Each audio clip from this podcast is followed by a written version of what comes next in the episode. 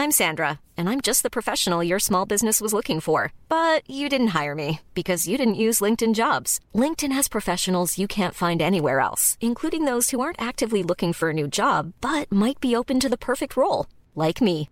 In a given month, over 70% of LinkedIn users don't visit other leading job sites. So if you're not looking on LinkedIn, you'll miss out on great candidates like Sandra. Start hiring professionals like a professional. Post your free job on linkedin.com slash spoken today. This podcast is brought to you by eHarmony, the dating app to find someone you can be yourself with. Why doesn't eHarmony allow copy and paste in first messages? Because you are unique, and your conversations should reflect that. eHarmony wants you to find someone who will get you. How are you going to know who gets you? If people send you the same generic conversation starters, they message everyone else. Conversations that actually help you get to know each other. Imagine that. Get who gets you on eHarmony. Sign up today. Millions of people have lost weight with personalized plans from Noom, like Evan, who can't stand salads and still lost 50 pounds. Salads, generally, for most people, are the easy button, right? For me, that wasn't an option. I never really was a salad guy. That's just not who I am. But Noom worked for me. Get your personalized plan today at Noom.com. Real Noom user compensated to provide their story. In four weeks, the typical Noom user can expect to lose one to two pounds per week. Individual results may vary.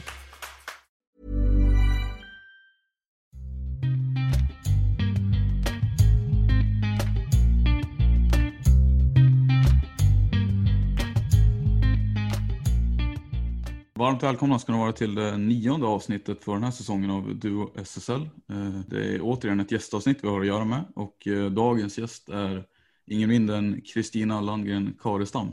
Eh, Välkommen! Tack så jättemycket. Kul att ha dig här. Det får man verkligen säga. Eller vad säger du Samme? Ja, absolut. Vi hade ju en bekant till dig kanske Kristina, Martin Östholm här tidigare också med.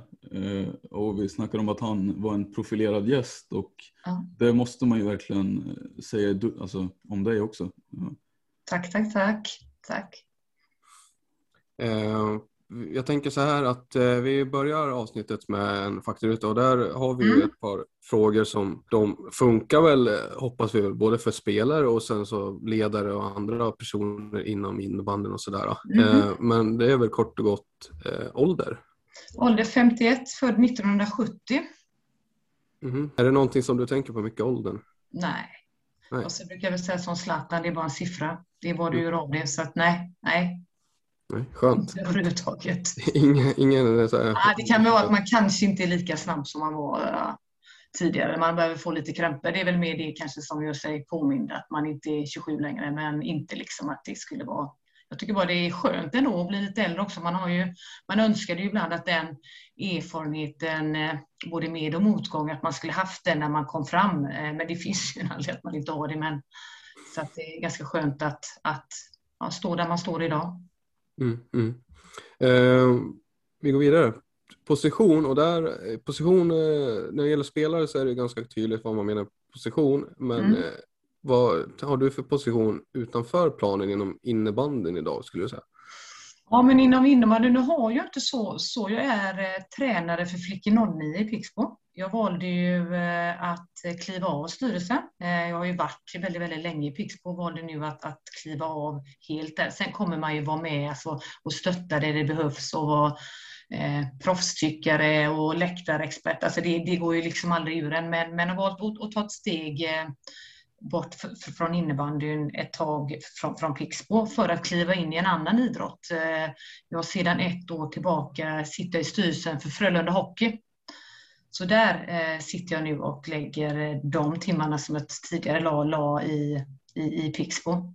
Tycker det är jätteroligt att få byta idrott och sen så har jag ett, ett uppdrag som ligger mig varmt om hjärtat. Jag, och ni kanske kan scouta, men valberedningsarbetet har ju legat mig jättevarmt om, om hjärtat i många år för jag tycker att det är en, en undanskymd, ibland tänker man inte på vilken maktfaktor det faktiskt är att, att kunna välja fram en bra styrelse. Så att jag har suttit i lite olika valberedningar, men sitter kvar eh, i Svensk idrottspsykologisk eh, förenings valberedning för att jag har också ett gediget intresse av idrottspsykologi och då är det bra att sitta där för att få man reda på allt som händer.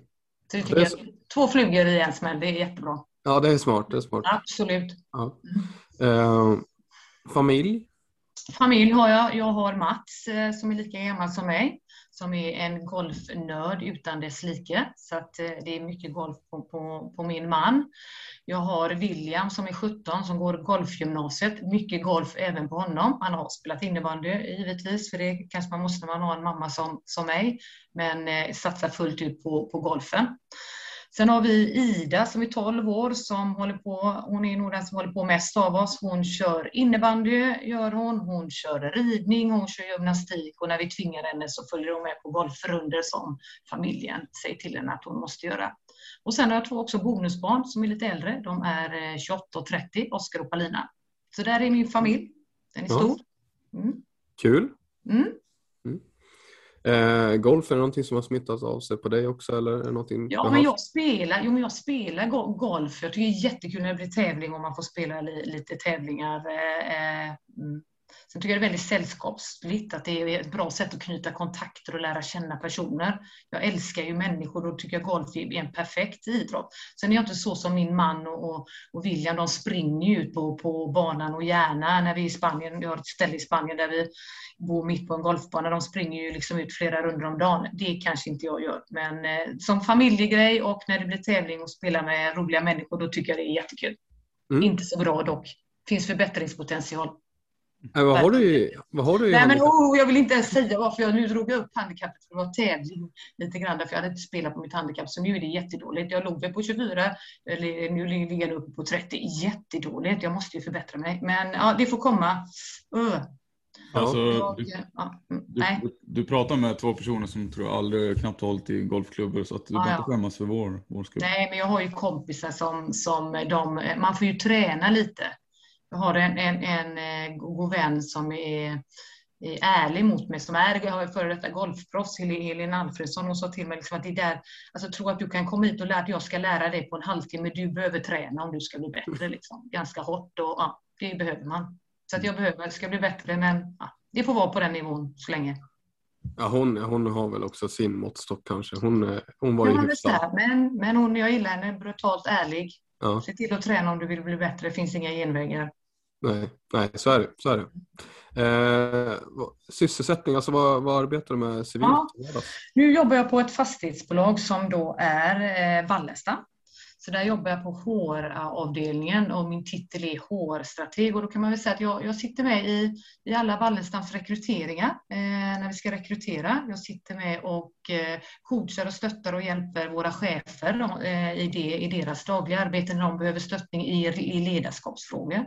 Eh, så det är, man kan nog stoppa ner lite allt möjligt i, i HR. Det handlar ju om människor och hur jag kan stötta och, och hjälpa för att vi ska eh, fortsatt vara ett eh, starkt bolag och attrahera eh, människor till oss. Så mycket kring företagskultur, värderingar så, som är viktigt. Så det gör jag där på, på Wallenstam.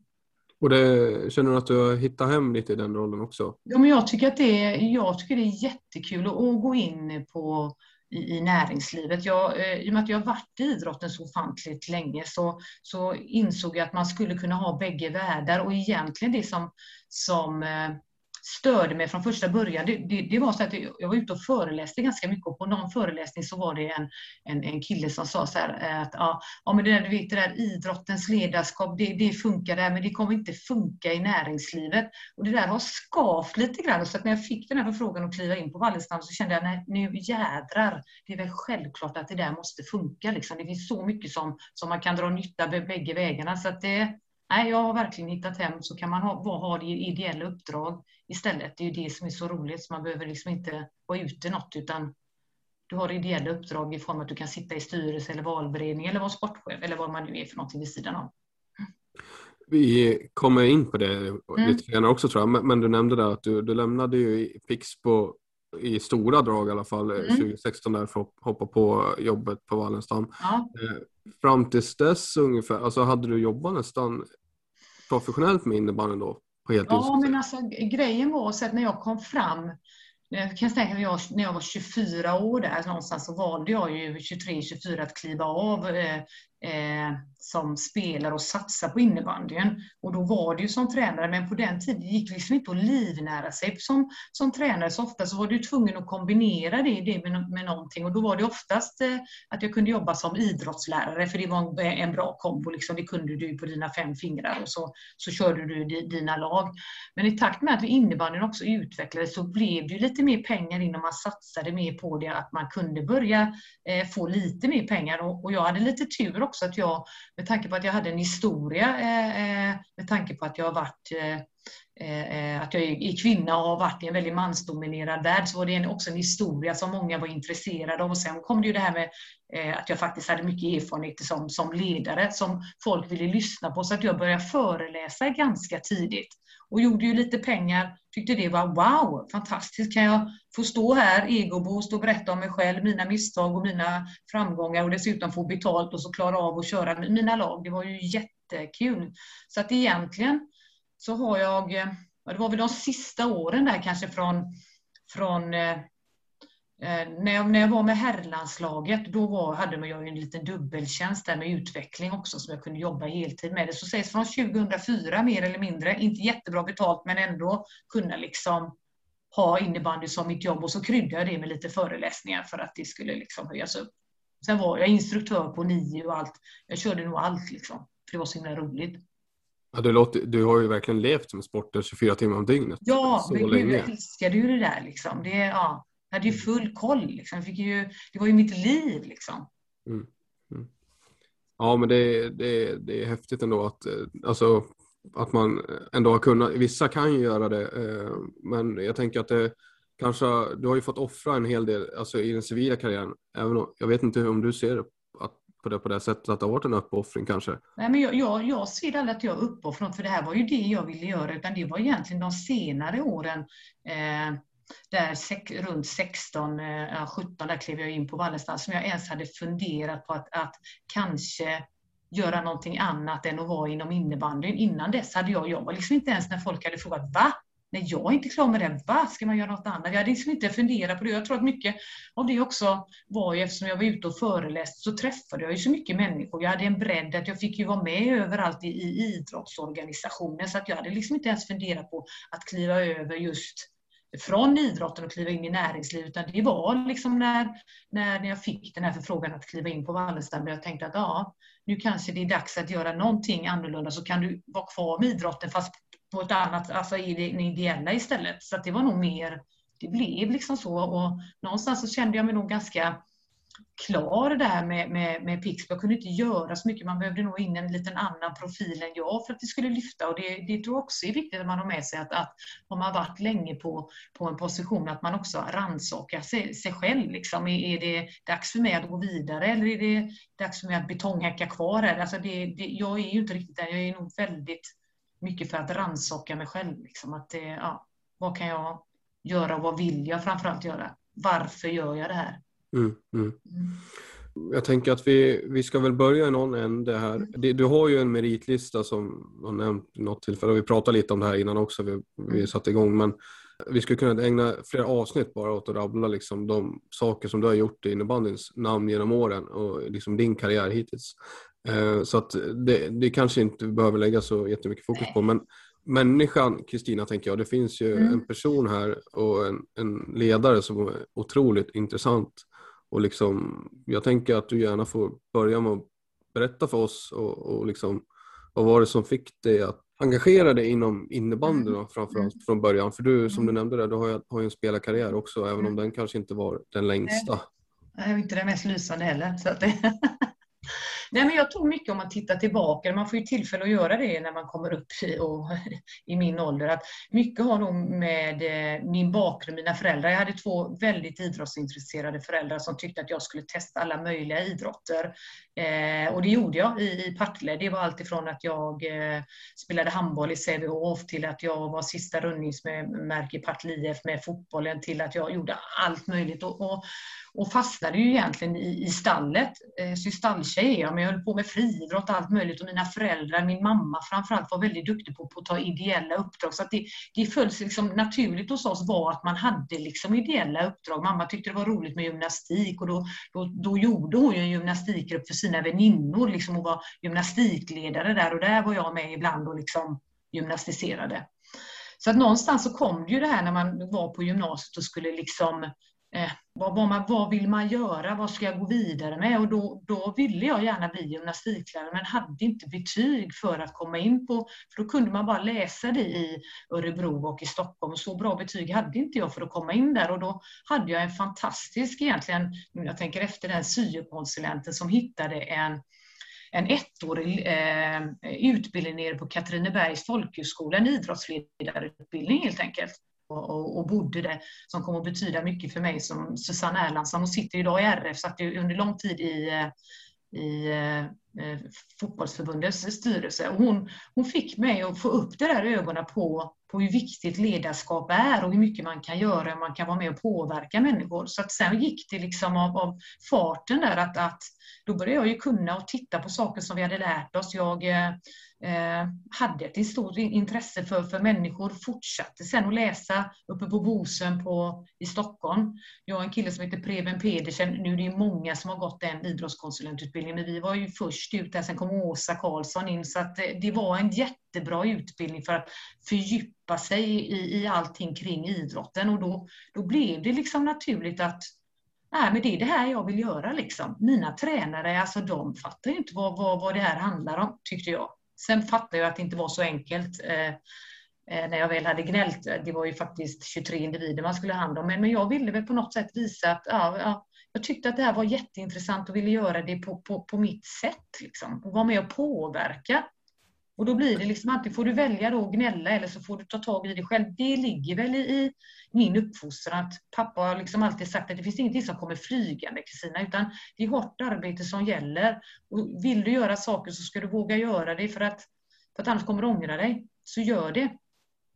Men eh, om jag, jag vet mm. inte om jag hängde med där om jag tappade men, men den utbildningen på Bosön där, var det innebandyspecifik utbildning? Eller var nej, det, det var idrotts... en idrottskonsulentutbildning. Ja, det var många innebandyspelare som gick. Nej, nej, i första var det ju inte alls. Jag menar, jag har ju en lite rolig historia nu. Kattis eh, Bergström blev ju min lärare på Bosön, så nu måste jag berätta den här historien så att hon får, får en, en tillbakablick där.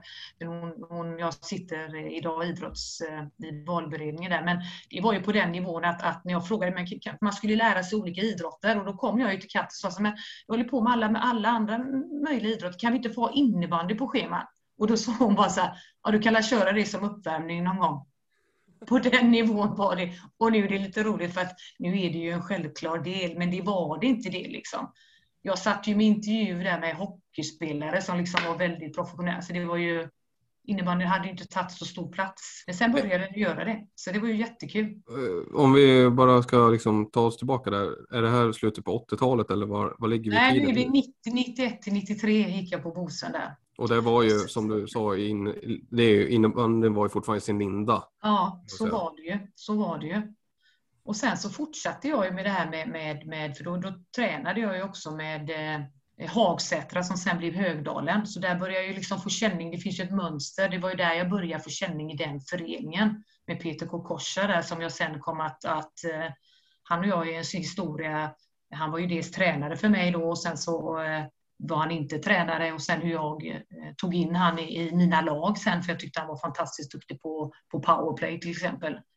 så då kom han ju in så jag har alltid försökt, liksom, intressera de människorna också, försökt rannsaka mig själv att jag kommer inte kunna, kunna allt.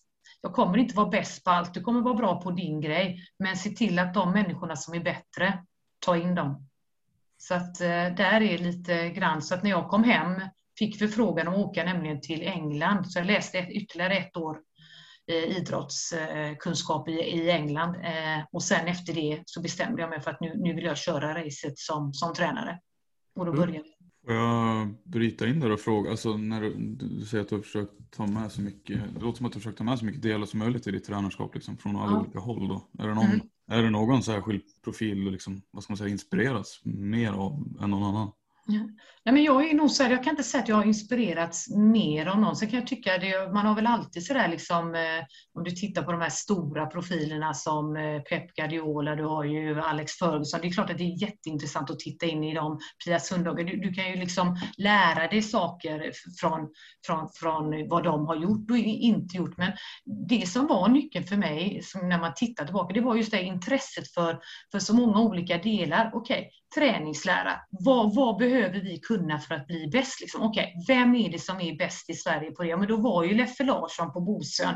Han var ju bäst. Liksom. Jag hänger med honom och Gullstrand nere i gymmet där för att få lära mig i testlabbet. Vad är det de gör? Vilka är bäst när det gäller idrottspsykologi? Det måste man ju...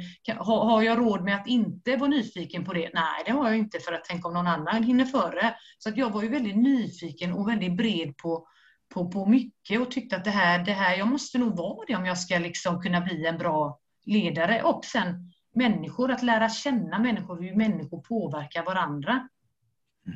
Mm. Är, det ett, eh, är det ett hinder tror du för många tränare fortfarande idag? Att man kanske inte är tillräckligt nyfiken överlag? Liksom?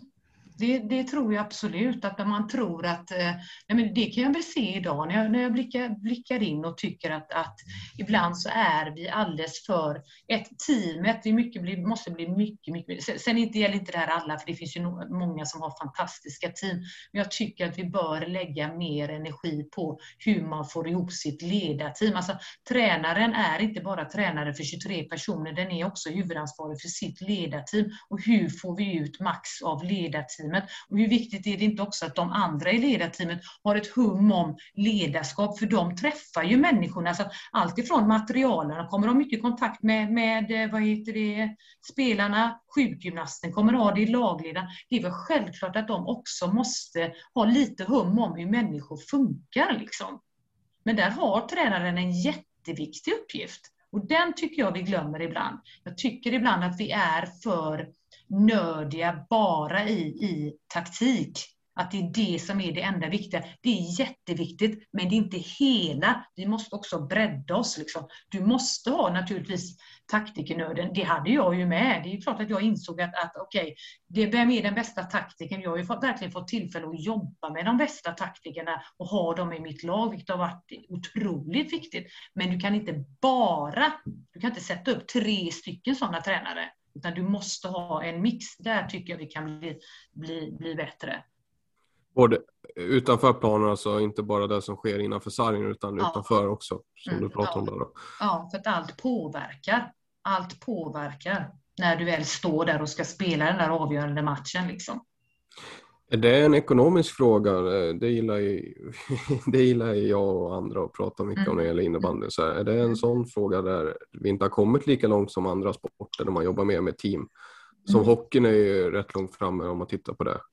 Ja, är de det? Jag, ja, inte, jag kan det för lite. Jag är inte säker på att bara för att hockeyn har mer pengar. Nej, jag... nej, men, men jag tänker mer team, alltså hur man jobbar i team med ja, ledare, ledare och, och, personal runt uh, spelartruppen och så här. Tänker nej, men det, det tror jag att de har mer personal. Det vet jag att de har. Men jag pratar också om hur vi jobbar med vårt team. Alltså hur jobbar vi? Om, du, om vi skulle vara ett team, och så är ni två med mig. Hur jobbar vi? Är det, är det liksom stuprör? Okej, okay, du Gustav, du, har, du är bara sjukgymnast. Det är det enda du ska syssla med. Hur vet vi att vi har samma ledarskap? Du kommer ändå prata med spelarna. De kommer komma till dig när de mår dåligt. Hur vet jag att vi pratar samma språk? Alltså ledarskapet i vårat team, våran värdegrund, vad vi står för. Där tror jag det finns jättemycket att göra. Jag är inte säker på att alla sjukgymnaster eh, har eh, grundläggande idrottspsykologi fastän de kommer i kontakt med väldigt, väldigt mycket folk.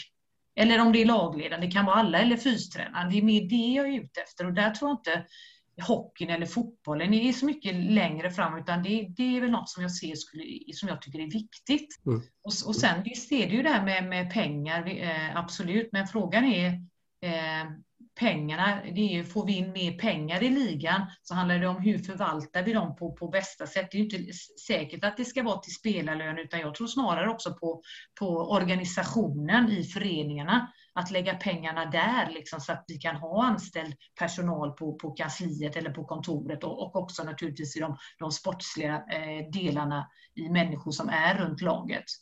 Ja men precis, det är lite det jag är ute efter också. Alltså, har du en en, en, en lag med, säg en huvudtränare och sen har du mm. kanske, du kanske inte ens har en assisterande tränare utan har en lagledare, en materialförvaltare. Och sen så hur ska den huvudtränaren ha tid att liksom mm. få ihop alla delar runt om mm. ledarskap och hur det fungerar. Alltså, bara att bedriva den dagliga verksamheten med mm. mm. träningar och så vidare. Alltså... Nej, men det går ju inte. Nej, men då, det, då går det ju inte att ha någon elitnivå. Det beror ju på vad man i den föreningen sätter upp som kriterier för att hålla på med en elitverksamhet. Liksom, eller vad man har för målsättning. Det kanske funkar om man har en, en målsättning man inte ja, vad vet jag, men, men är det, alltså om man tittar nu på SSL så, så funkar ju inte det längre. Liksom. Nej, vi har ju nej. kommit längre där. Liksom. Ja, det, det, måste det vara. Liksom. Det, det... Nej, nej, men det, det har du en poäng såklart. Jag vill också eh. säga varför jag blir så röd där, det var för att jag blir så engagerad, för jag tycker det är så kul. så att inte ja, nej, men det, är, det är bra, det är skitbra. Det tycker vi också.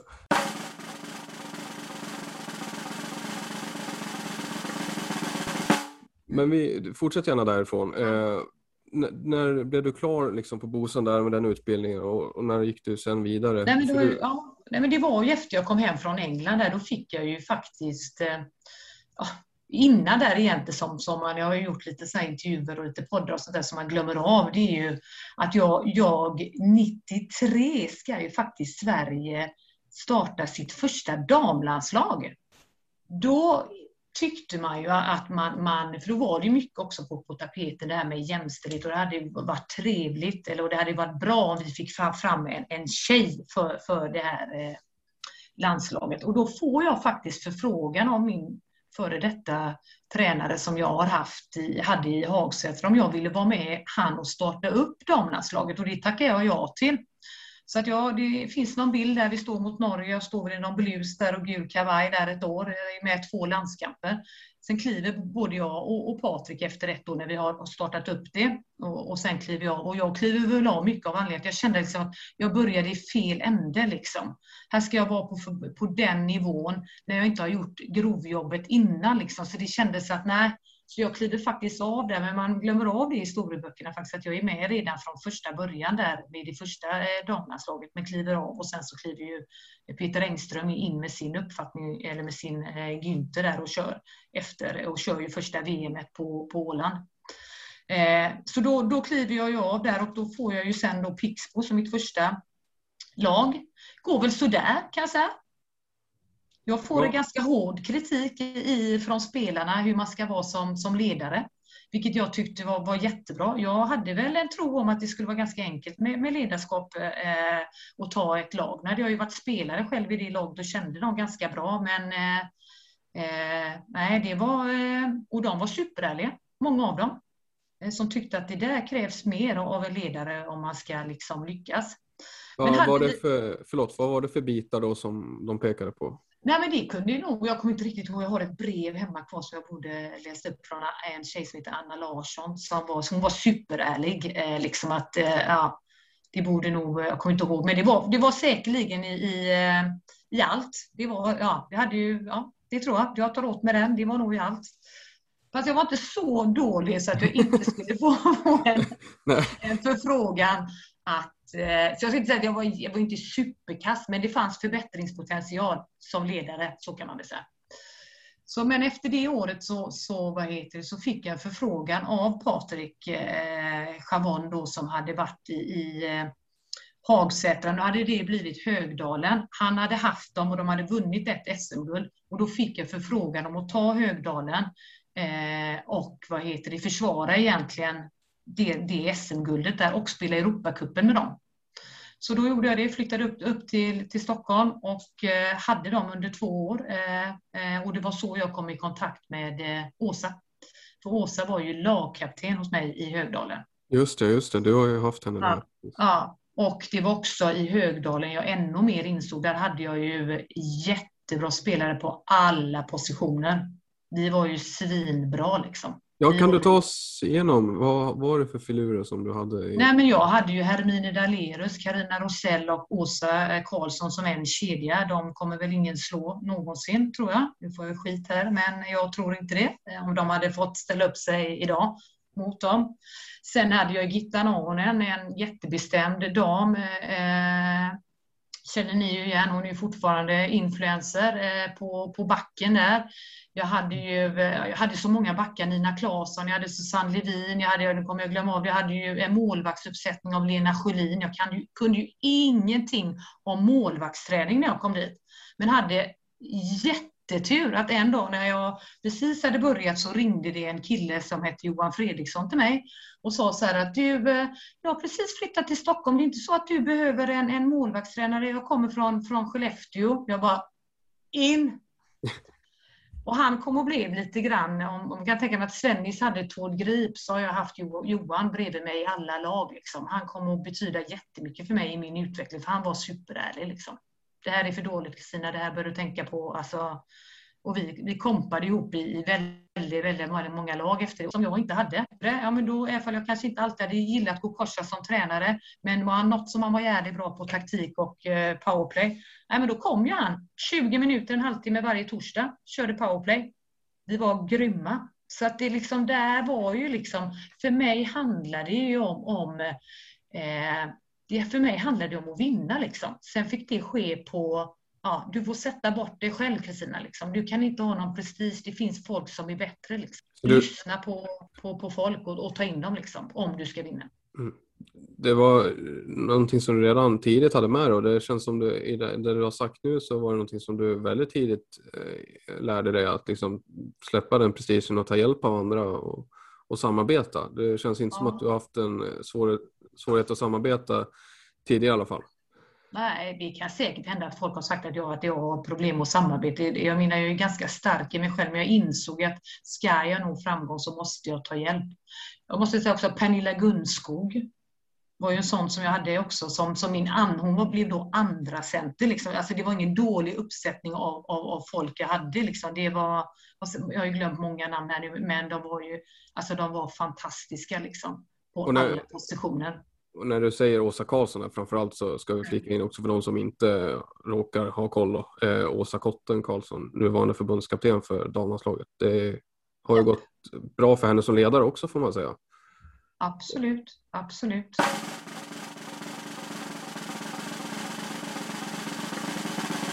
Men problemet med mig, eller, eller liksom, det är ju både en styrka och en svaghet, är att jag funderar inte så mycket. Vad är mitt uppdrag? Mm. Det, det, måste vara tydligt. Vad är ditt uppdrag? Jag gillar ju de här. Liksom. här där handlar det om att vinna. Så det, man får tycka vad man vill. Liksom. Men, men, men, där var det ju liksom. Europacupen, ni ska ta, ta, eh, vinna där, du ska försvara liksom. Och sen så kör man. Liksom. Det, och jag levde ju innebandy. Det här var ju mitt, mitt liv. Liksom. Det, ha, tänk att få åka upp där, jobba lite grann som gympalärare då, för det, för det gjorde jag ju här uppe och så köra eh, de här tjejerna. Det var ju jättekul. Så det gjorde jag i två år och sen så kom ju, eh, fick vara med Janne Ögren och Stefan Edberg och Jocke Nordström med lite distriktslag också. Jätteroligt. Eh, och sen kom ju Lasse och frågade om jag inte kunde tänka mig att assistera Jocke Nordström där. I samma veva som vi ska, förbundet då kommer och säger att vi ska starta upp U19 dam, kan du tänka dig att bli förbundskapten där?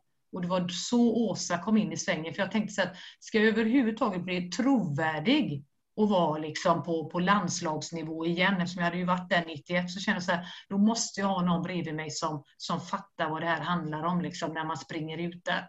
Så då frågade jag Åsa om inte hon, för då var hon hennes karriär på väg, liksom, om, skulle inte kunna tänka dig liksom, att eh, assistera mig med, med U19? Och då tackade hon ja till det. Och så började vi köra. Samtidigt som vi hade AIKs herrar. Så har det liksom alltid varit.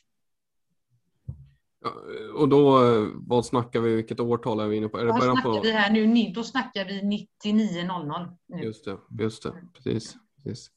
Och var låg liksom innebandyn, du som var med på, på den tiden då, eh, var liksom, om man pratar innebandyn i ett, mm. i ett större perspektiv, var, var mm. låg man då? Hur långt hade man hunnit? Ja, men alltså rent, eh, om man säger så, rent eh, taktiskt och så tycker jag man hade kommit väldigt, väldigt, väldigt långt. Jag säger återigen, nu, nu tyvärr inte eh, Joakim Nordström med oss längre, för han gick ju bort här. Eh.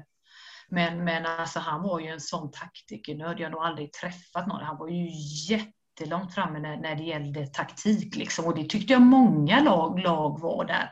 Men sen var det väl andra delar som inte riktigt hade hängt med som, som kom senare, som, som fysen till exempel. Men det var inte det att vi inte tränade fys. Jag menar, i AIK så körde vi ju morgonträning ganska tidigt, sju på morgonen en dag i veckan. Så att det var ju bara att det behövde ta ett, ett kliv till. Liksom. Det, Organisatoriskt, ja, nej, då, där fanns ju kanske inte riktigt sportchefer och klubbchefer så som, som det gör idag. Så där då var det ju mycket ideellt, ideella krafter som, som körde. Men jag tycker dock ändå att vi var, höll en bra nivå. Det var ju underhållande. Det var mycket folk på, på, på läktaren. Jag menar, det var ju till och med som man brände av bengaler i Solnahallen så röken.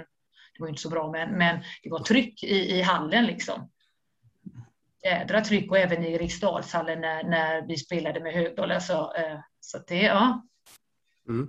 Ja men eh, kul. Så gått i vågor så här känns det som eh, hur det ja. ja men har just den eh, som den här publikfrågan, mm. har det liksom, var det nu snackade slutet på 90-talet där och början på 00 var det lite nyhetens behag fortfarande mindre än varje dag? För det, publiksiffrorna idag mm. är ju, känns som att de har stått och stampat ganska länge ja. och kanske sjunkit till och med på vissa håll. Ja. Eller så var det så här att den generationen som vi var då, vi var på innebandy. Liksom. Mm. Alla vi. Liksom. Jag, jag har funderat mycket, mycket på det där, för det var ju likadant när jag hade Pixbo där i början då på 2000. Vi hade också mycket publik i Lisebergshallen jämfört mot vad vi har idag. Liksom. Kan det varit att vår generation, liksom, vi, vi levde innebandy, vi hängde liksom. För då var ju vi i den här åldern runt 25 30 liksom innan man hade skaffat. Jag vet inte. Nej, nej. Men det var mer folk, upplever ja. jag det i alla fall. Ja, ja nej, men vi som har tagit del av berättelser från andra också som fanns mm. med på den tiden säger ju också samma sak egentligen. Mm. Så ja. Det, ja, Europacupen där med Högdalen och U19-landslaget. Mm. Eh, ja, ta oss vidare. Ja, nej, men då var det AK och då lägg till då där att jag då också då har jag också en, en tjänst, jag jobbar på Stockholms innebandyförbund som utbildningsansvarig.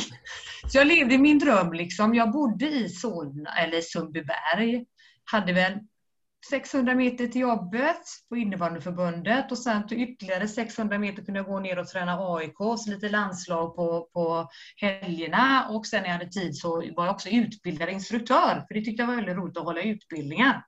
Så att det, liksom, ja, det var ju bara innebandy nu jag tänker. Du hade ingen tid? Nej, jag hade väl inget liv så. Jag var, jag var, ganska nöjd med det. Det var, liksom, det var det jag ville göra. Jag, ja. Och då 2000, men så någonstans så, så kände jag väl att jag började få en liten hemlängtan där 2000 och då, flytt, då ville jag ju flytta hem till Pixbo. Och då, Jan-Inge Forsberg har ju betytt otroligt mycket för, för, för mig. Dels när jag började i Pixbo en gång i tiden, att jag överhuvudtaget fick komma dit och sen också att han där 2000 när han hör att jag ska komma hem till, eh, till Göteborg, då, då vill han ju att jag ska ta Pixbos herrlag. Då står man och väljer eh, mellan mig och en annan. Vi hade väl liknande meriter. Jag kanske hade lite mer. Eh, och, men jag var ju liksom skolad i Pixbo liksom under lång tid. Och så jag kom dit när jag var 17 år och hade hjälpt till med fysträning och lite allt möjligt under, under tiden. Så han tyckte väl att nu, nu då vill jag sätta dig som huvudansvarig tränare på, på herrlaget. Eh, och jag fegade väl ut lite först och tyckte väl att vadå, jag kan väl vara assisterande. Men eh, hade faktiskt ett prat med, det har man glömt av också, men, men LG Jansson vid den tidpunkten jobbade på Svenska innebandyförbundet. Och han sa till mig ganska hårt, så här, vad, vad, liksom, ungefär, vad, vad, vad, tror du är det värsta som, som kan hända liksom, om du inte tackar ja till huvudansvaret? Ja, det, ja, men då är det kanske att få sparken då, helt enkelt, sa jag då. Och då sa han så här att du, sparken kommer man, det är liksom, det, det tillhör att man hanterar det i så fall om man får, får sparken. Liksom. Det, det, är inte ett argument för att inte tacka ja, utan du kör, hade jag gjort. Så att jag tackar ja till det där, till att bli för Pixbos herrar. Då. Och då är det väl sista året där jag har U19, för då kommer ju också samtidigt förfrågan om att jag och Åsa ska ta damlandslaget. Då. Just det. Så har jag ju liksom Pixbos herrar och damlandslaget eh, kör jag ju parallellt där. Så då var det ju fortfarande liksom mycket innebandy. Men det var ju liksom bara jättekul. Herregud, då fick man lära sig herrsidan. Jag hade ju lite koll på det med eftersom man hade varit med med AIK, men kanske inte på, på högsta eh, sidan där. Men det var ju bara att lära, lära, lära sig liksom. Ja, hur, såg, ju, ja. hur såg det ut då, eh, både om du tar liksom klubblag, när du pratar om AIK, de andra lagen du har tränat mm. högsta serien. Mm. Alltså hur mycket tid går det åt som tränare att lägga på det? Och sen så andra delen i det här kontra landslaget, hur mycket tid får man lägga som förbundskapten på juniorlandslag och ja, seniorlandslagen helt enkelt. Alltså för det finns ju inte, mm. inte bara du som har kombinerat dem genom åren utan det är många andra tränare och ledare i Sverige som har gjort det. Ja, du la ju jättemycket tid, framförallt det, det som inte fanns som finns idag. Sen lägger man ju otroligt mycket tid på att klippa filmer idag, det, det vet jag ju. Men då, då var det ju åka land och rike runt och det gjorde ju vi. Vi åkte ju på jättemycket matcher och det ser man ju, Åsa gör ju faktiskt det fortfarande än idag. Hon tittar på mycket eh, via webben också, men hon åker ju fruktansvärt mycket. Och det är liksom en annan viktig del, tror jag, som förbundskapten, att synas ute i, i, i hallarna. Det är också ett uppdrag som, som du har för att bonda ihop, liksom, för att du, du lånar ju de här spelarna av, av, av, av klubbarna. Och då tror jag det är jätteviktigt att man skapar den här bra relationen. Så att mycket åka runt och titta på matcher. Det är mycket planerande. Du sitter ju ihop med dem på förbundet också. I det här fallet är det ju Janne Lindberg om, om hur läg, var lägren ska vara, hur du ska sätta upp lägren, vad ska vi göra på lägren mycket sånt. Du sitter med eh, din, din landslagsansvarige och tittar på utveckling. Hur ser det ut med turneringar framöver? Vad, vad kan vi bidra med? Eftersom också Sverige är en, en, en viktig pjäs i att utveckla de andra nationerna så är du med i ett utvecklingsarbete också. Så att jag är glad att man idag eh, har eh, lön för det heltidsarbetet. Sen jobbade vi nog heltid med det även då, fast vi inte hade lönenivån. Liksom. Men, men det var ju också ett sätt där, liksom, återigen, det, det, många kan ju undra, så här, gud, dubbla stolar, hur funkade det? Men jag, hade, jag levde ju min dröm. Liksom. Jag, jag jobbade ju, jag hade liksom ingen, ingen familj vid, vid, vid den tidpunkten som jag behövde ta hänsyn till, utan det var liksom, jag kör det här för att jag vill, vill det här. Liksom. Det kommer in lite senare i min bild eh, med, med barn. Så att, eh, ja, nej. Som, som sagt, det fungerade ju ganska bra för dig att kombinera de här ja. två som vi har diskuterat uppenbarligen. Du trivdes ju med det, men det gick ju också ihop logistiskt. Ja, ja, ja visst. Ja, sen, sen satte ju förbundet, nu ska vi se, det var ju mitt tredje år med Pixbo. Då eh, fick jag ju inte vara huvudansvarig tränare för ett eh, klubblag. För att då var det ju, då är ju 23, då, för då är det ju mästerskap med damlandslaget. Men mm. då lusläste jag den där att, men vänta lite, det står ju ingenting att jag inte får vara assisterande. Så då plockade vi ner Ulf Hallstensson till Pixbo och så körde jag assisterande med honom. Mm. Så det var, fort, det var fortfarande lika mycket innebandy. Men han var ju en otrolig också, en Jocke och, eh, och, och Hallstensson, alltså de är ju två, oj oj oj, vilka taktikernördar, svinduktiga i liksom tydlighet hur de vill att spelet ska spelas och har ju utvecklat otroligt mycket i, i, i svensk innebandy med det taktiska. Så där var det ju jätteroligt att, att få följa Ulf där. Var det samma veva som ni kamperade ihop som förbundskaptener? Det var därför vi kunde göra det. Det är få som vet om det, men det är klart att det blev det där. För att det var faktiskt så att Jocke Nordström tackade nej Jocke Nordström tackade, först är det ju för frågan går ju till Jocke Nordström men han tackar nej och då, då, då var det ju Ulf. Hiring for your small business? If you're not looking for professionals on LinkedIn, you're looking in the wrong place. That's like looking for your car keys in a fish tank. LinkedIn helps you hire professionals you can't find anywhere else, even those who aren't actively searching for a new job but might be open to the perfect role. In a given month, over 70% of LinkedIn users don't even visit other leading job sites. So start looking in the right place. With LinkedIn, you can hire professionals like a professional. Post your free job on linkedin.com slash spoken today. För Ulf och jag hade ju kamperat ihop eftersom man skulle ha ett delat ledarskap för att jag kände det, okej, okay, Jocke Nordström är kanske den jag höll lite högre i, i, i taktik. Eh, och sen var det ju Ulf liksom. Just vi, kände ju, vi hade ju kamperat ihop så det var ju ja, jättekul. Mm.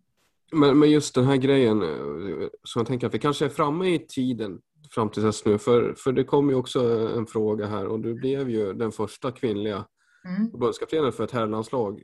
Eh, ja. Och det fick ju jättemycket uppmärksamhet. Eh, ja. Och då tänker jag så här, när kom den frågan? Var det där 2003 eller var det tidigare? Eller var det där 2004 tillträdde du?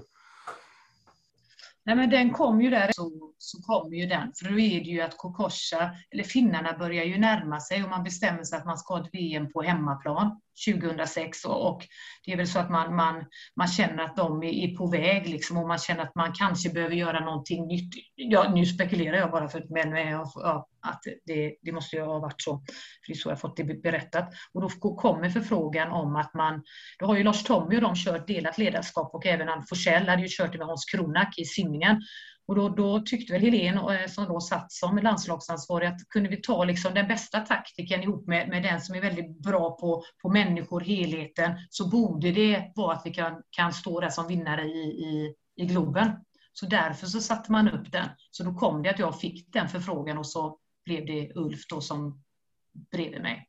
Och det mm. var ju fantastiskt liksom, eh, att få den. För någonstans hade man kanske inte, jag hade ju det är väl klart att jag hade drömt om att, att jag skulle gärna, liksom, för det var det som fattades, liksom, men, men någonstans så trodde jag väl tyvärr att, att den, man, man är så inboxad liksom, att det kommer inte komma den, den förfrågan. Men så gjorde den ju det och då, ja, fantastisk och, ära. Ja, och det var inga tveksamheter från dig, eller hur gick tankarna då när du först? Nej, alltså den första, det är väl som jag har berättat att jag, eh, jag blev väl eh, fantastiskt glad, eh, stolt. Att, att, och för mig är det ju alltså en land, ett landslag, oavsett det spelar ingen roll vilket kön det är. Det är en så otrolig ära liksom, att stå där och representera ditt land. Och, och liksom, så att det, det, och, där återigen, liksom, det, det var, jag, tror, jag svarade ju inte Helene direkt, utan jag, jag sa att jag ska fundera några dagar, men det var inte så att jag funderade, det var ju liksom bara... det var ju så bara spel för galleria. Men ja, det är klart att det vill man ju köra liksom. Ja, det, jag menar det är väldigt... Det är fantastiskt. Det är få, få förunnat. Och det är väl det också man får respekt för att, att vid den här tidpunkten, i och med att det var så nytt, att det är klart att det engagerar ju. Det är klart att det engagerar ju. Jag menar, det här är det uppdraget som alla vill ha och går och längtar efter. Och sen så, så fick jag det och ja, det är klart att det inte föll i god jord överallt övriga idrotter tyckte det var jättespännande att innebandy vågar köra det greppet eh, som ingen annan, kanske en annan idrott hade vågat göra. Massiv kritik från egna led, att jag tyckte att de tyckte att jag hade för lite kunskaper för att träna killar och jag liksom stod ganska frågande att vänta lite nu handlar det inte om att vinna. Eh, det var det jag trodde och jag tänkte att vadå, herregud, det här handlar ju om ledarskap. Det, är liksom inte, det handlar ju mot ett mål. Liksom. Det är inte så att killar. Liksom det, är, det är människor vi ska, ska föra ett bestämt mål. Mm. När du säger egna led, vad menar du då? Vad, vad kom det? Nej, men det var ju, det var ju, om man tittar tillbaka där så kan du ju titta, det var ju rundringningar från TV4 där man hade liksom handuppräckning, många som hade förtroende för mig. Jag fick kastas in i debatt eh, med eh, Lennart Ekdal där med Rune Engström och sitta där och försvara mig varför jag hade blivit eh, förbundskapten. Det var morgonsoffer, det var allt möjligt. Det var liksom ja, högt och lågt. Och, och det var en rubrik i, i det, fanns ju inte, det fanns inte Instagram och sånt på den tiden. Det kanske var, var, var, var tur det, men, eh, men det var en sån mening som etsade sig fast att, att om hon misslyckas så bör det inte råda någon som helst tvivel på att, män, att kvinnor inte ska träna män i ett flertal idrotter. Den nivån var det liksom. Ja, det, ja, det, det är ju, ja. jag tror inte vi behöver kommentera det något mer, men alltså, ja, jag förstår vad du menar. Det, det är ju mörkt. Eh, Eh, och för mig var det liksom att, eh, ja, det är mycket möjligt att man inte tycker att jag eh, hade den kunskapen eller de meriterna som krävdes. Jag själv tyckte det, förbundet tyckte ju det eftersom de hade satt mig och det är mycket möjligt att en del tycker att det var en PR, ingen aning. Men, men faktum är ju att de meriterna jag hade innan där, de kan man inte ta ifrån mig liksom, och det är ingen slump heller. Så att jag tänkte att ja, kan man inte vara, kanske inte behöver ge mig kritik innan jag har börjat, låt oss vänta. Och det, vi vet ju hur det slutade där sen 2006 innan du mm. gick ifrån det uppdraget. Ja. Men kan du inte berätta lite grann bara kort, vad var det för herrlandslag som du kom till då? För det ja. fanns ju också profiler där. Mm. Ja, det, var ju, Ja, nej, men det var ju jättestarka profiler redan när vi kom naturligtvis. Men det är också så att man, man, man har ju en tanke som, som förbundskapten och där är ju både jag och Ulf liksom vad man kanske skulle vilja eh, förändra. Skulle man våga testa liksom de här lite yngre här nu då som eh, Kalebsson, Juling, vi hade Dahlbjer, vi hade eh, får man skäms ut därför man inte kommer ihåg alla, men, men vi hade ju en yngre generation som var, var på väg in och vi sa att nej, vi vågar testa, vi, vi plockar bort de äldre så kör vi in de yngre i Finnkampen så ser vi vad de går för. Och det kanske inte föll så jättebra i, i god jord, men, men vi, följde, vi följde liksom vår linje och jag tycker att vi informerade också, för det var väl också något som var viktigt för mig. Vi åkte runt och kollade matcher. Jädrar vad vi kollade matcher över hela Sverige jag och Ulf, vi var ute jämt och tittade. Så att vi, ja, vi tycker ändå att vi, vi eh, informerade hur vår strategi skulle se ut och började liksom jobba med, eh, med formationerna. Det är ganska tydligt, både jag och, och Ulf, där hur, hur sätta upp liksom tre formationer och så har du en, en, På den tiden kunde man nämligen ha 23 spelare med sig. Så att, det innebar ju att tre spelare åkte upp på läktaren varje match. Man fick ju liksom tänka till. Du hade, du hade tre målvakter också med dig. Så att det var liksom Idag är det lite lättare. Eh, det var ju också med psykologi att få gruppen att fungera liksom, när du har så mycket spelare med dig. Och där var vi ett oslagbart team. Liksom. Ulf var ju jättebra på, på, på taktik och jag på, på människan och helheten och hur vi ska liksom få ihop det här och, och tankar kring det. Liksom. Så att, ja, sen är det klart att vi hade eh, saker som, som inte vi, eh, där det brast oss emellan ibland och sådär. Men, men i det stora hela så, så var det bra. Och sen bestämde vi olika roller och det var väl det som ibland man tittar tillbaka i historien att folk tyckte att men gud, tar inte hon väldigt mycket plats? Men det var ju något vi hade kommit överens om att, att Ulf vid den tidpunkten gillade inte att prata så mycket med media. Jag har aldrig haft några problem med, med det. Jag älskar ju att, att prata. Så då tog jag ju allt, allt det där liksom. Hade väl inga problem med det överhuvudtaget. Men det kanske, då tyckte man väl kanske att hon tog för mycket plats. Liksom. Hon kan ingenting och, och det är bättre att en taktiker och det är ju den som är, då var det ju verkligen så. Taktiken, det är den som är huvudtränare. Det är lite kul nu, för nu tror jag de kritikerna där då kanske har sett vad det handlar om att leda lag. Liksom. Mm, mm. Ja, och kunna ta en mm. grupp med spelare i det här fallet. Precis. Då, och liksom, ja. precis, precis. Mm. Men stötte du på, som du minns det, för det, så, i varje lag finns det väl olika, alla är olika individer och, så här, och olika karaktärer och, och, i den kullen av spelare som ni hade fanns det ju ett gäng minst sagt eh, intressanta ja, ja. karaktärer. Vad, mötte ni på, alltså, var det något problem att få ihop den här gruppen och sammanhållet? Ja, problem ska jag inte säga att, att det, det var problem, men du fick jobba hårt för, för att göra det. Du hade ju ett, alltså det var ju starka individer på, på på väldigt många där. Eh, Conny Svensson utmanade mig nog ständigt i ledarskapet. Hur, hur, hur kunde nej, men, nej, men så här Conny är det. Då går vi testar vi går lite grann till vänster så ser vi vad som händer och får man putta in. Ja, men då testar vi gå lite grann åt höger och så får man putta in.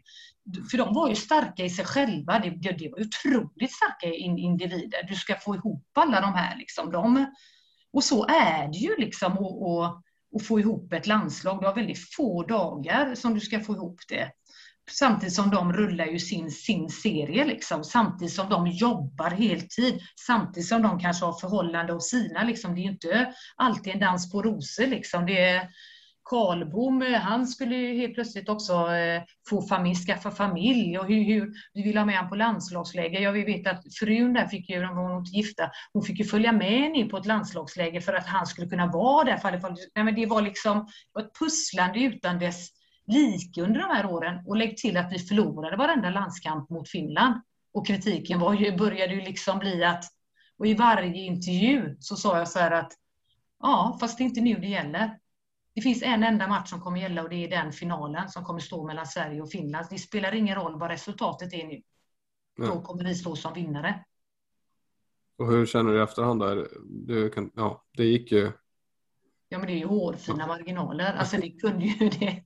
Herregud, jag är ju superglad att vi ändå hade jobbat med det här med, med, med liksom lite adrenalin, vad som händer, liksom, att inte bara att inte proppskåpet bara brister liksom, hur som helst. Jag menar, det går ju där till, det är ju, ja, det är ju, ja, det är en mardrömsfinal, även om jag förstår att det är en väldigt bra final, liksom vi ligger under där och du liksom får, får du ska Kaleb som går in och lägger straffen, det är ju nära att han tar den. Du, du liksom ska tvingas gå ner på folk. Jag, och Ulf var inte riktigt överens innan. Där skulle vi starta på två eller tre femmor. Vi väljer ändå starta på tre. Du tvingas direkt liksom gå ner på, efter åtta minuter, där, gå ner på två. Vilka ska spela? Liksom, hur feeling för liksom det här.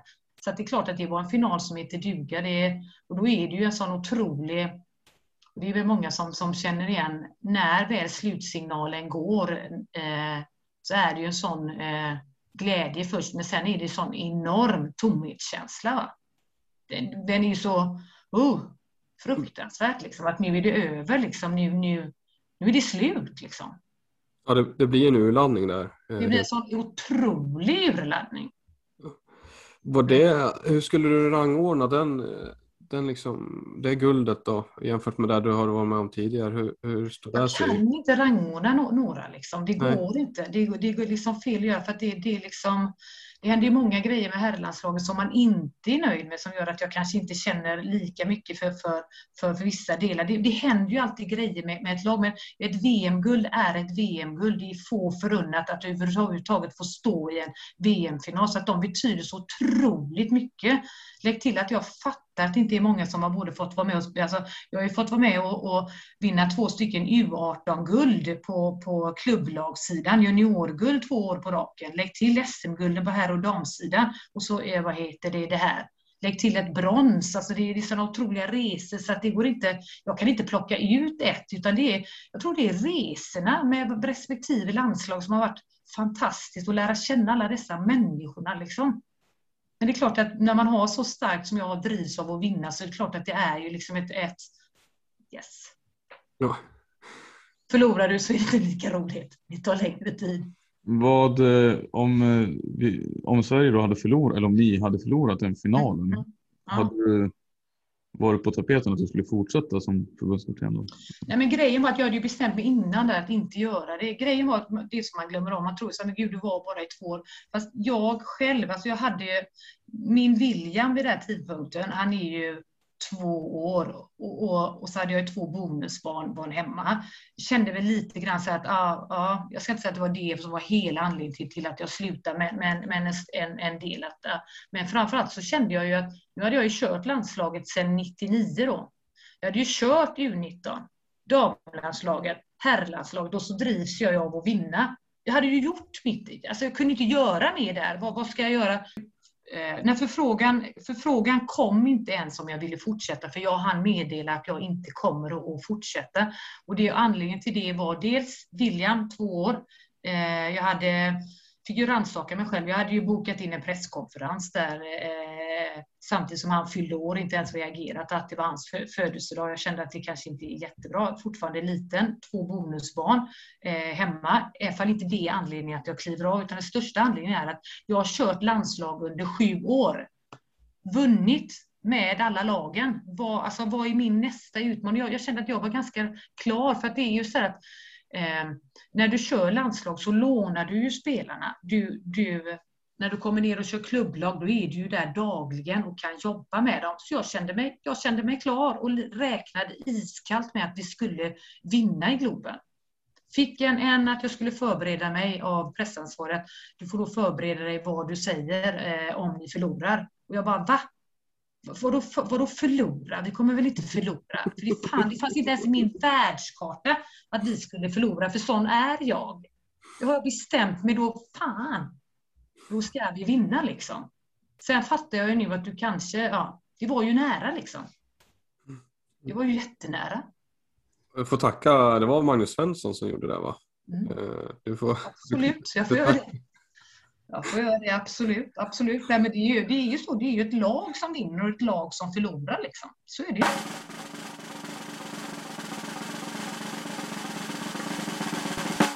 Och sen då efter VM-guldet så, så blev det mer fokus på, på Pixbo kan man säga. Ja, men då var ju Jan-Inge framme igen och tyckte mm. att nu okej, okay, nu eh, är du färdig med landslaget, nu, nu kan du komma hem till Pixbo och jag har ett spännande uppdrag som han sa.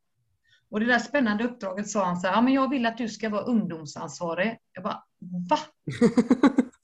Och då 12 000 var i Globen.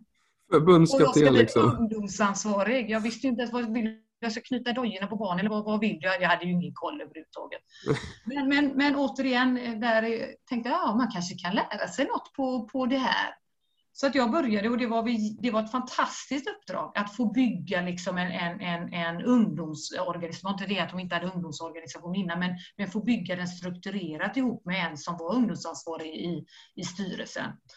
Och sen så kom det ju där 2000, ska vi se, 8, 9 där, då var det ju kaos i damlaget. Och var du måste, måste ta damlaget ett år. Jag var okej, okay, ett år kör jag eh, damlaget. Så då körde jag damlaget ett år Eh, i, också och fick gå in och köra det. Det var också fantastiskt roligt. Vi åkte ut 1956 där i semi. Det var inte kul i och för sig.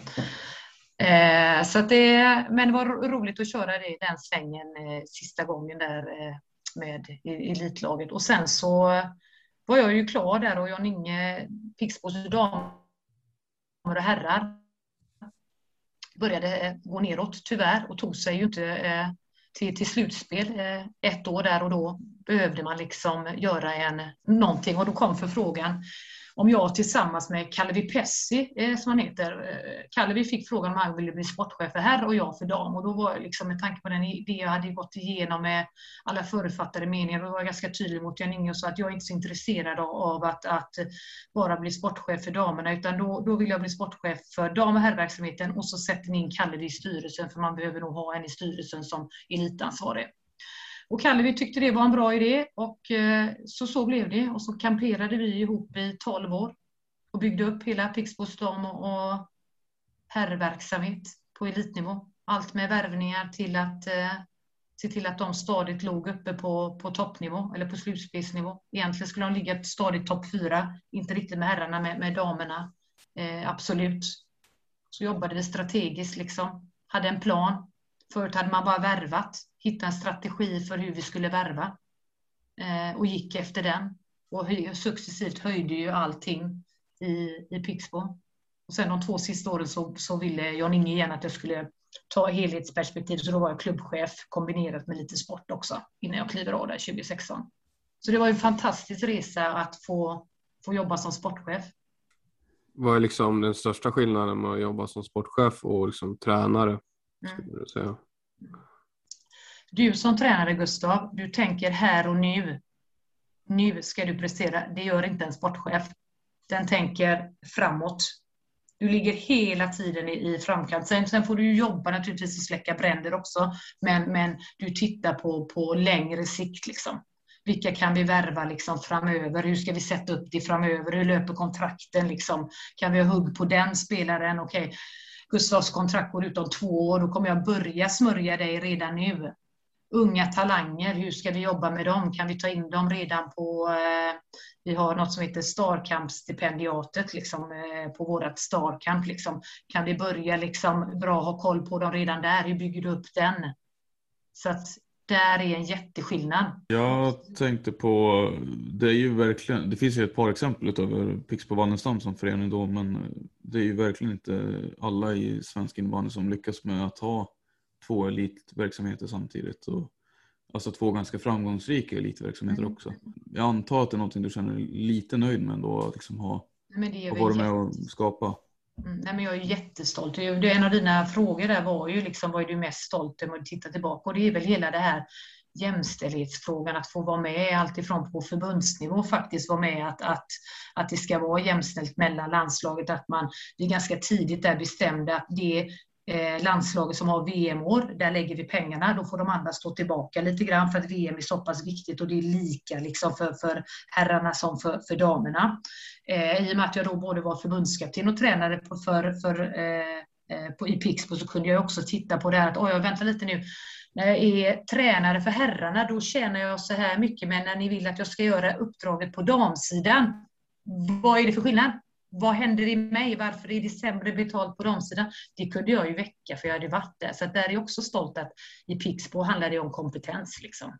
Eh, eh, vad man har, har, för, för ersättning oavsett om man är i damen eller herrarna. Och på, her, på herr och damlandslaget så tror jag det är likadant. Där. Och det var viktiga frågor för mig. Liksom. Att ska man göra det så ska man göra det ordentligt. Liksom. Det går inte att och göra det halvdant om du bestämmer dig för att du ska vara världsledande. Då, då får du titta in på de här sakerna. Sen, sen är det väl en också den här lika lön för lika arbete, den är väl något som släpar efter fortfarande och den behöver vi ju jobba med. Liksom.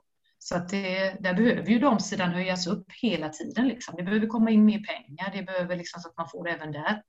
Eh, och det var ju sånt man kunde jobba med i Pix på att hela tiden höja damsidan, ifall vi inte är i hamn överhuvudtaget. Men, men, men att det är så viktiga frågor liksom. Fanns det när, i början där när du och Kalle började sätta den sportsliga strukturen, mm. hur ni tänker när det gäller, när det gällde nyförvärv och sådär. Eh, mm. Fanns det någon slags profil som ni ville se hos Pix på spelare generellt eller var det väldigt mycket liksom kompetens och hur det passade in i det var nog både och. Liksom. För det första var det liksom att försöka hitta en, nu är inte det här någon, någon liksom raketforskning nu, men, men jag tror kanske det var lite där, det gjorde en, en fördelningsnyckel, att titta in på okay, vad krävs liksom för att eh, kunna stå där i final. Hur många så hade vi, vi kallar dem top of the line-spelare behöver du, det vill säga landslagsspelare. Så här många second line, det gillade aldrig spelarna att vi kallar dem. Så då kallar vi dem baseline sen. Second line-spelare behöver alltså de som, som de kommer inte nå landslagsnivå, men de är otroligt viktiga för, för klubblaget. Liksom. Du vet vad du får varje gång. Liksom. Och sen hade du dina challengers som var U19-spelare som du visste att du måste ge dem tre år, sen vet vi var de vandrar och då måste också tränaren ge dem speltid. Och sen så hade du dina promising som du kunde liksom hålla ute i landet som kom vara nere och hälsa på och liksom som, som fyllde på. Den var vi väldigt duktiga på att ha den fördelningsnyckeln och sen så tittar man ju på det här, rightare, leftare, spelförståelse, spelande back, eh, behöver kanske mer avslut, du behöver någon, någon, någon eh, special eh, teams eh, skills. Liksom. Så det är klart du tittar på det, men personligheten var också viktig att passa in. Liksom. Att det är, visst, spelare i all ära, men, men, du måste kunna ha, ha rätt värdegrund liksom, för att passa in hos oss. Så, att, så letade vi efter dem. Vi hade ju alltid intervjuer med, med spelare. Vi bjöd ner dem och, och gärna med mamma och pappa. Och så hade vi gedigna presentationer. En del somnade, Kalle vi älskar sina powerpoint-presentationer. Han är svinbra på dem.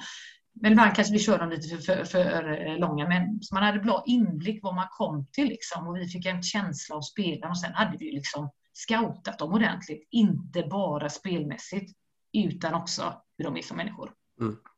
Så att det är ju liksom, jag har en sån, sån som jag kan ta som jag är lite stolt för. Det var ju som Anton Eriksson är ju en sån som Thomson eh, gärna ville att vi skulle ta i Pixbo som jag inte alls var, för jag tyckte inte alls han var bra tyckte inte alls att han var, var så att han skulle tillföra någonting. Men, men eh, han hade ju redan flyttat till, till Göteborg och Thomson sa, kan, kan, du inte, kan du inte bara sätta dig med honom? Liksom? Och jag tänkte, ja, jag går med på att sätta mig med honom och så gjorde det. Och efter det så kände jag så här, du, du, jag skiter i om, inte han är, om jag inte tycker att han är bra med klubba och boll. För den inställningen den människan har, det behöver vi ha in i vårat herrlag. Och nu får jag ju sota för det, för nu är han ju jättebra. Men, så att jag är jätteglad att man också kan liksom, ja, ja ja, han är väl en av de lagpapperna? Ja, ja, men han är ju jättebra. Jag får, får höra det varje dag på jobbet. Han är ju på, på Wallenstam också. Jag tog in lite killar där till kundservice där naturligtvis. Så det, men det får, den får jag ta. Men, men det är jätteviktigt, människan liksom, som kan visa vägen. Liksom. Det, ja. Var du inblandad i en sån som Martin Östholm också om man ska tänka på, på vår tidigare så tänkte, Nej, jag tror inte jag var, just då var inte jag inblandad så mycket i honom. För det var Jan Inge och de som hade lite grann där. Jag var ju med, absolut, jag var ju, klev ju in där som sportchef där i början. Så man, man tar ju hand om, för han var ju mycket skadad när han kom ju.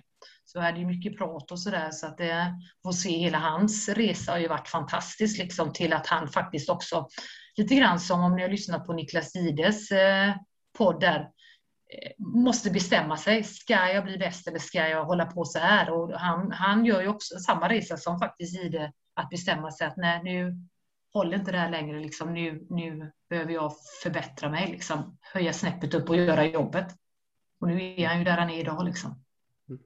Mm. Ja, du, det man läser till, apropå som du nämnde Gide där, du var väl på honom också när han skulle flytta hem tidigare där, för några år tillbaka va? Att han skulle välja Ja, ja, precis. Nej, men så var det. Det är klart att alla trodde vi någonstans att han skulle flytta hem till, till oss när han kom utifrån, eller hem från Grasshoppers. Men, men med facit i hand, det var väl eh, ett klokt beslut att eh, gå på AIK och Lasse Granqvist i hans utveckling och allt vad det innebar för honom. Liksom. Så, men så är det ju liksom när du sitter som sportchef. Du, du, eh, eh, och det kan jag känna igen idag när man rekryterar, när man inte får den här värmen som man vill ha. Liksom. Det där samtalet när de tackar nej, alltså det svider ju liksom. Och hur glad, hur glad man blir när de säger nej men jag glömmer aldrig Jon Hedlund är en sån, han stod ju och valde att säga dessutom så här, att jag har faktiskt, säger han. Då tänkte jag jävlar, nu har han valt AIK. Men faktiskt valt er, säger han. Och så, ja. Han är ju också en sån som har blivit kvar länge. Han är ju riktigt trotjänare nu. Ja, han har varit kvar länge och trivs. Mm. Mm. Eh, det är den känslan man har, att så många trivs i mm. Pixbos lag. Ja, nej, men det var väl det som var, det är väl det det handlar om mycket, mycket tror jag, att bygga en, en miljö där man trivs och är kvar länge. Liksom. Det är så du bygger framgång. Eh, jag menar, många lag, många tränare kan komma upp och göra en gång. Det kan många göra, men över tid är det inte många som kan göra. För då krävs det liksom, det krävs en stabil ekonomi, det krävs en jädra stabil organisation och att den sportsliga delen sitter och att du jobbar kring, kring människan. Och det har vi varit väldigt, väldigt duktiga på. Mm. Och då inte bara jag och Kalle utan hela föreningen. Liksom, för det krävs, det går inte att det bara är två utan alla runt omkring har varit. Och jag tänkte säga det, om vi ska prata ändå lite resultat eh, innanför sargen och sådär. Eh, du som har varit inblandad så mycket och, och drivit fram det Pixbo som vi ändå ser idag skulle jag vilja påstå. Eh, damlaget har ju gått väldigt starkt de senaste åren och mm. är ju enligt mitt tycke den enda egentligen reella utmanaren till Thorengruppen på den i dam, damernas eh, serie där. Eh, och jag drar ju verkligen ett ånglok medan herrarna har ju haft det lite tuffare de senaste åren och mm. missade slutspel förra året. Hur mm. skulle du säga att dam och herrlagen mår om du får berätta lite? Alltså, din bild utifrån mer. Ja, hur, hur mår de? Nej, men, men de, de mår nog väldigt bra. Nu har jag inte sån inblick så att jag är nere på, på träningen där, men, men det man hör, eftersom jag har ju en del på jobbet, som sagt var, det har jag ju Moa Andersson sitter ju på kundservice och det gör ju, där finns ju, nu sitter Axel i Lindås, men du har ju Pale är ju där. Så de är i högsta grad inne på, på jobbet också. Men, men de, de mår bra. Eh, damerna, där är ju precis som du säger, det är ju en stor utmanare i, i dels de själva naturligtvis när man är på den, för det ska man inte heller glömma av när man ligger på den höga nivån. Man ligger, man, du ska liksom ta ytterligare ett kliv, det, det är tufft. Liksom. Det, det, det vill till att alla drar åt samma håll liksom, eh, och gör sitt jobb. Det är lättare nästan att ligga lite längre ner för då vet du vad exakt du behöver förbättra. Ännu svårare för Thorengruppen. De, nu är det liksom, alla jagar ju. Eh, så jag skulle säga att Pixbos, för Pixbos damer handlar det nog största utmaningen i dem själva och naturligtvis att, att komma som man har Thorengruppen i, i en final.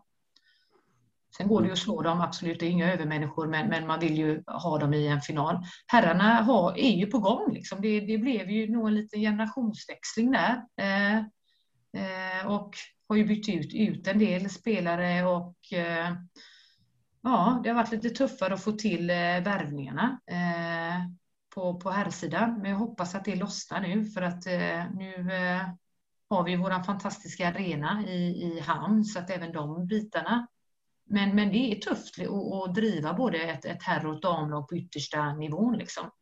Du ska ju rodda allt ifrån från att eh, all logistik runt omkring med lägenheter, med, med, med jobb, eh, de ska må bra och allt sånt där. Och det är väl igen, nu får vi se, Falun gör ju det nu. Urban har ju också varit väldigt duktig på det i Dalen och, och göra det.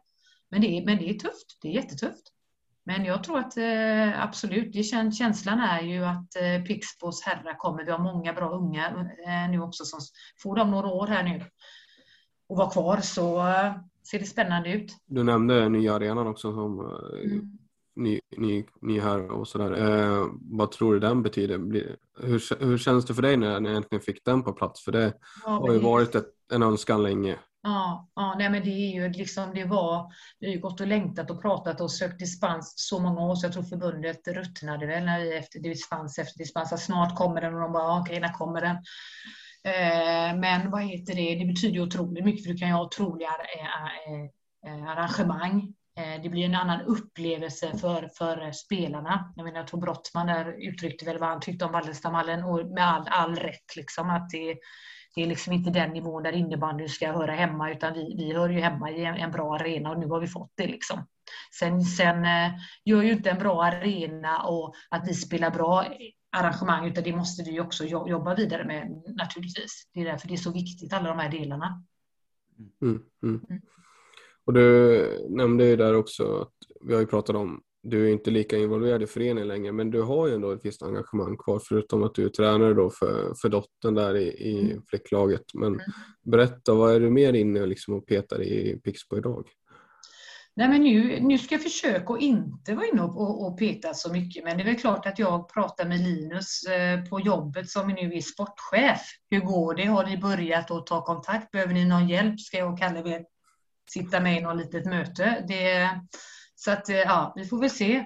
Men jag ska försöka zooma ut lite grann. Jag tror att det är bra att, att göra det ibland. Jag kommer sitta där och vara läktarexpert och jag gör väl ett par mål därifrån också varje säsong. Så att, eh, om man är tyckare. Jonas vet ju eh, att han kan få ringa om det är någonting och kommer säkert bolla någonting med honom. Eh, jag har en mental rådgivare som jag förde in till, till damerna. Jag har lite kontakt med honom. Alltså det, det är klart man är engagerad ändå. Liksom. Det är inte så att man släpper liksom allt, men, men sen är jag ju ungdomsledare, så det, herregud, det är ett förtroendeuppdrag bara det.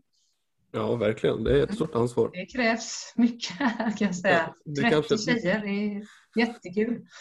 Dagens, eller framtidens menar jag, SSL-spelare mm. kanske? Ja, det kommer finnas några där. Eh, jag tänker Kristina, innan vi mm. rundar av här, vi har ja. ganska långt, men det finns ju också en sak som jag jättegärna skulle vilja mm. beröra eh, mm. och det handlar ju om kanske mer negativ klang i det. Alltså mm. Jonas Eliasson och mm. den eh, eh, historien han fick gå ja. från klubben. Kan du ta oss igenom det? För det, Magget skrev ju en hel del om det där och även Expressen och andra medier eh, rapporterade. Kan du berätta lite om vad var det som hände när han fick lämna? Ja. För, först vill jag också tala om att det som eh, det efterspelet, eller det spelet som blir. Jag är ju inte mycket för att man, man kastar liksom skit i media och sådär, så jag kommer ge er en bild och sen så kommer det vara bra med det. Och jag vill också förstärka och förtydliga att jag har ingenting emot han som person. Det finns ingen liksom vendetta utifrån att, utan min, min roll i, i Pixbo vid den här tidpunkten får man inte heller glömma av. Jag är ju elitansvarig i styrelsen mitt uppdrag är ju att se till att säkerställa elitverksamheten. Sen har jag då, i det här fallet, i det här året så var ju Kalle också sportchef, så vi hade lite ombytta roller där. Jag hoppade in i styrelsen och han, han blev sportchef. Sen har ju vi liksom, under där har man ju sitt, sitt spelarråd i eh, i, eh, i damlaget som man har kontinuerlig kontakt med. Så är det ju. Det är ju eh, vi har våran, hur vi håller kontakt med våra för att liksom se så att allting funkar. Och där kom vad heter det, indikationer på att, att ledarskapet inte var eh, okej. Okay. Och då handlar det ju om att, att på något sätt att identifiera, okej okay, vad, vad, är det som inte funkar? Och ska man vinna framgångar, man kan kanske vinna en gång eller två, men, med mycket för att kunna prestera bra i slutspel så måste du ha spelarna med dig. Du måste ha alla spelarna med dig och det måste finnas tillit och trygghet för att kunna prestera. Det började falla sakta men, men, men säkert. Så att man kan väl säga att han börjar tappa om omklädningsrummet hos vissa spelare. Vissa spelare absolut inte. Men det var för många för att vi inte skulle agera och då blir det liksom, det, det finns ingen annan i, i, i en struktur utan det är elitansvarig och det är sportchefen som måste komma fram till, okej, okay, kommer det här hålla eller kommer det inte hålla liksom? Vad gör vi? Är det okej okay och inte okej okay att ha det här Eh, eh, ledarskapet på den här gruppen. Och då, då är det liksom vårt beslut. Och vi bestämde att nej, det här är inte hållbart. Vi kan inte ha spelare som ska gå in i ett slutspel och, och må dåligt och inte känna sig trygga och, och, och, och ha, ha tillit till, till, sin tränare. Och då blir det tyvärr det här tråkiga beslutet eh, som aldrig, aldrig är roligt att ta, utan du får ju välja någonstans. Och då valde vi att, att han en, entlediga han egentligen, för det, och där är ju idrotten ganska hård. Liksom. Det är ju liksom då ger du ju tränaren sparken på, på dagen. Och det är ju ganska hårt liksom, när man väl sitter där. Det kan ju vara lite chockartat och det var nog väldigt chockartat för, för, för Jonas. Men det var inte så att inte vi hade pratat med han innan vad han behövde ändra i sitt ledarskap. Utan vi, vi har ju haft Jonas länge. Han och jag har ju pratat eh, eh ofta om ledarskap och där är det ju liksom att Idag är det liksom att du kan inte du kan inte köra ditt eget race, och det tror jag ni förstår efter att ni klipper ihop den här podden. Du kan inte köra ditt eget race som tränare, utan det är människor du ska leda. Du måste liksom titta in, okej okay, vad behöver dessa människor? Du kan ju ha en åsikt och du kan vara en övertydlig, men, men du måste ändå få med dig att det blir tillit och, och trygghet i en grupp. Finns inte den att börja rasera, ja, men då är ju idrotten Eh, lägg till att eh, en annan parameter skulle kunna vara att man inte levererar resultat och då väljer att skicka av tränare som, som en del gör. Men den, den brukar inte jätteofta ge effekt. Liksom. Men vi kände att nej, vi, vi tror på det här, vi gör detta och så gjorde vi det. Så där, där är liksom historien och så vill inte jag gå in på massa grejer bakom det, utan jag, man har kunnat läsa liksom till eh, Men jag vill förstärka att jag har ingenting, liksom, det är ingen vandetta på, mot Jonas, utan mitt uppdrag är att se till att göra det som är det bästa som vi tror på för att det här damlaget ska prestera. Och det trodde vi var där. Och då gjorde mm. vi det. Och då tog vi in de här som vi trodde skulle få ihop det här laget. Och så tog vi in, in eh, Jesper och eh, Eh, gud, nu tappar jag namnet bara för det eh, naturligtvis. Han är ordförande också nu i Pixbo, så det är jättepinsamt. Fredrik, Fredrik naturligtvis, som jag är fantastisk ledare, de två. Och den, var det mycket sån kritik som ni fick internt eller utifrån efter det här beskedet? Det är så här Gustav, att, att eh, när jag förlorade i Singapore så ska du möta pressen. Eh, och då, min pappa var ganska tydlig med mig, jag tycker det är jättebra. Han sa, sa så här till mig, du, ger du in i leken får du leken tåla. Och den lite grann har jag haft med mig, att det är min roll att ta det här. Alltså jag, jag måste skilja på sak och person. Är det, med? Det, det är väl klart att folk var jätte jätteförbannade säkert. Tyckte att det här var jättekonstigt. Det var ju en vattendelare. Medan många har hört av sig med jättebra beslut. Och så kommer det vara. Men jag är ganska trygg i mig själv. Liksom. Jag har ett uppdrag och jag kommer inte vika ner mig i det jag tror är, är rätt att köra. Sen, sen är det mycket möjligt att någon tycker om tio år att det där var helt fel. Eller, men jag har en roll som elitansvarig och där ingår att både stå där med laget att fira segrarna kring att ta det när det är lite jobbigare saker. Du kan liksom inte blunda för saker. Utan det, ska du vara där så då får du ta i saker. Ibland blir det fel och ibland blir det rätt. Och i det här är jag ganska trygg och jag kallar det att det var rätt beslut. Så att... Fint. Eh, då har vi fått uh, din historia därifrån. Och mm. så jättebra. Vi får se. Är, anledningen till att jag ställer frågan det, när vi har det här det är väl för att i någon gång så kanske Jonas Eliasson hade varit en kul gäst att ha med i den här podden. Uh, han är ju en person som gillar att, att prata också och uttrycka sig. Absolut, ja, ja, absolut. Nej, men det, det, det håller jag med om. Han är ju jätte... Absolut, det tycker jag ni ska göra. En, när vi är inne på tränare och tränare som har coachat Pixbo så är en annan killfilur som du har uttalat till dem, Kristina, det är ju David Jansson som jag har gått och tänkt lite på då och då de här åren som han har varit borta eh, från Sverige och sådär. Eh, när kommer han tillbaka tror du? Ja, och frågar dig till vilket lag, i vilken roll?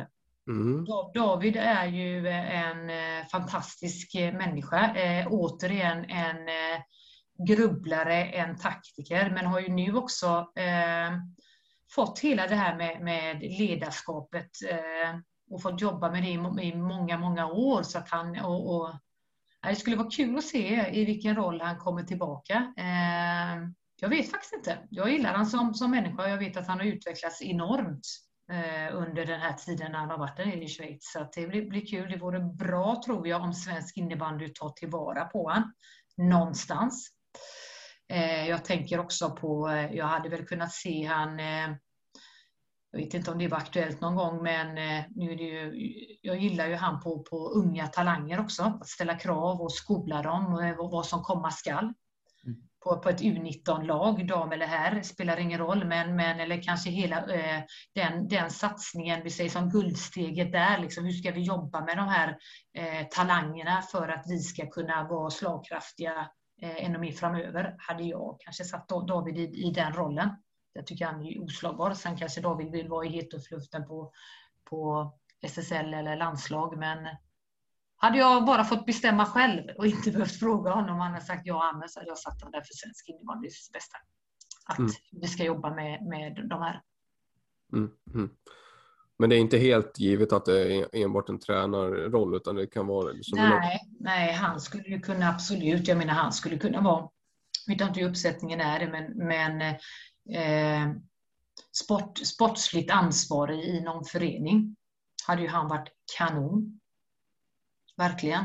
Mm, mm. Att vara lite general manager över, låt säga, nu är han ju där uppe, Dalens herr och damlag. Hade väl varit perfekt. Det känns onekligen som en eh, individ som svensk innebandy behöver extra mycket just nu, eller har behövt de senaste åren. När man Mm. har känt att steget mellan länderna har liksom blivit eh, mindre och mindre. Mm. Sen, sen har jag gjort mycket också då, får man också tänka. Men avstånden har ju krympt.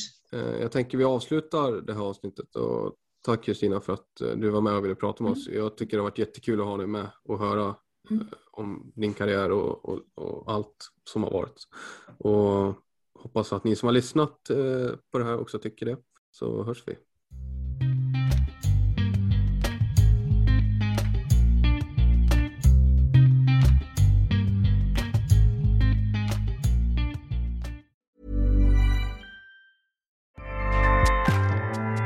ACAST powers the world's best podcasts. Here's a show that we recommend. The Real Housewives is a guilty pleasure for most, but if you're looking to not feel guilty about that pleasure, tune in to Everything Iconic with me, Danny Pellegrino, where I break down all the messy moments and behind the scenes antics of Bravo's popular franchise. And on Everything Iconic, I also interview celebrity guests like Kelly Ripa, Kiki Palmer, Drew Barrymore, Cameron Diaz, and more about their guilty pleasures, their past work, and so much more. So if you're pop culture obsessed and find yourself watching way too much reality TV like me, tune in to Everything Iconic with Danny Pellegrino wherever you listen to podcasts. ACAST helps creators launch, grow, and monetize their podcasts everywhere. ACAST.com.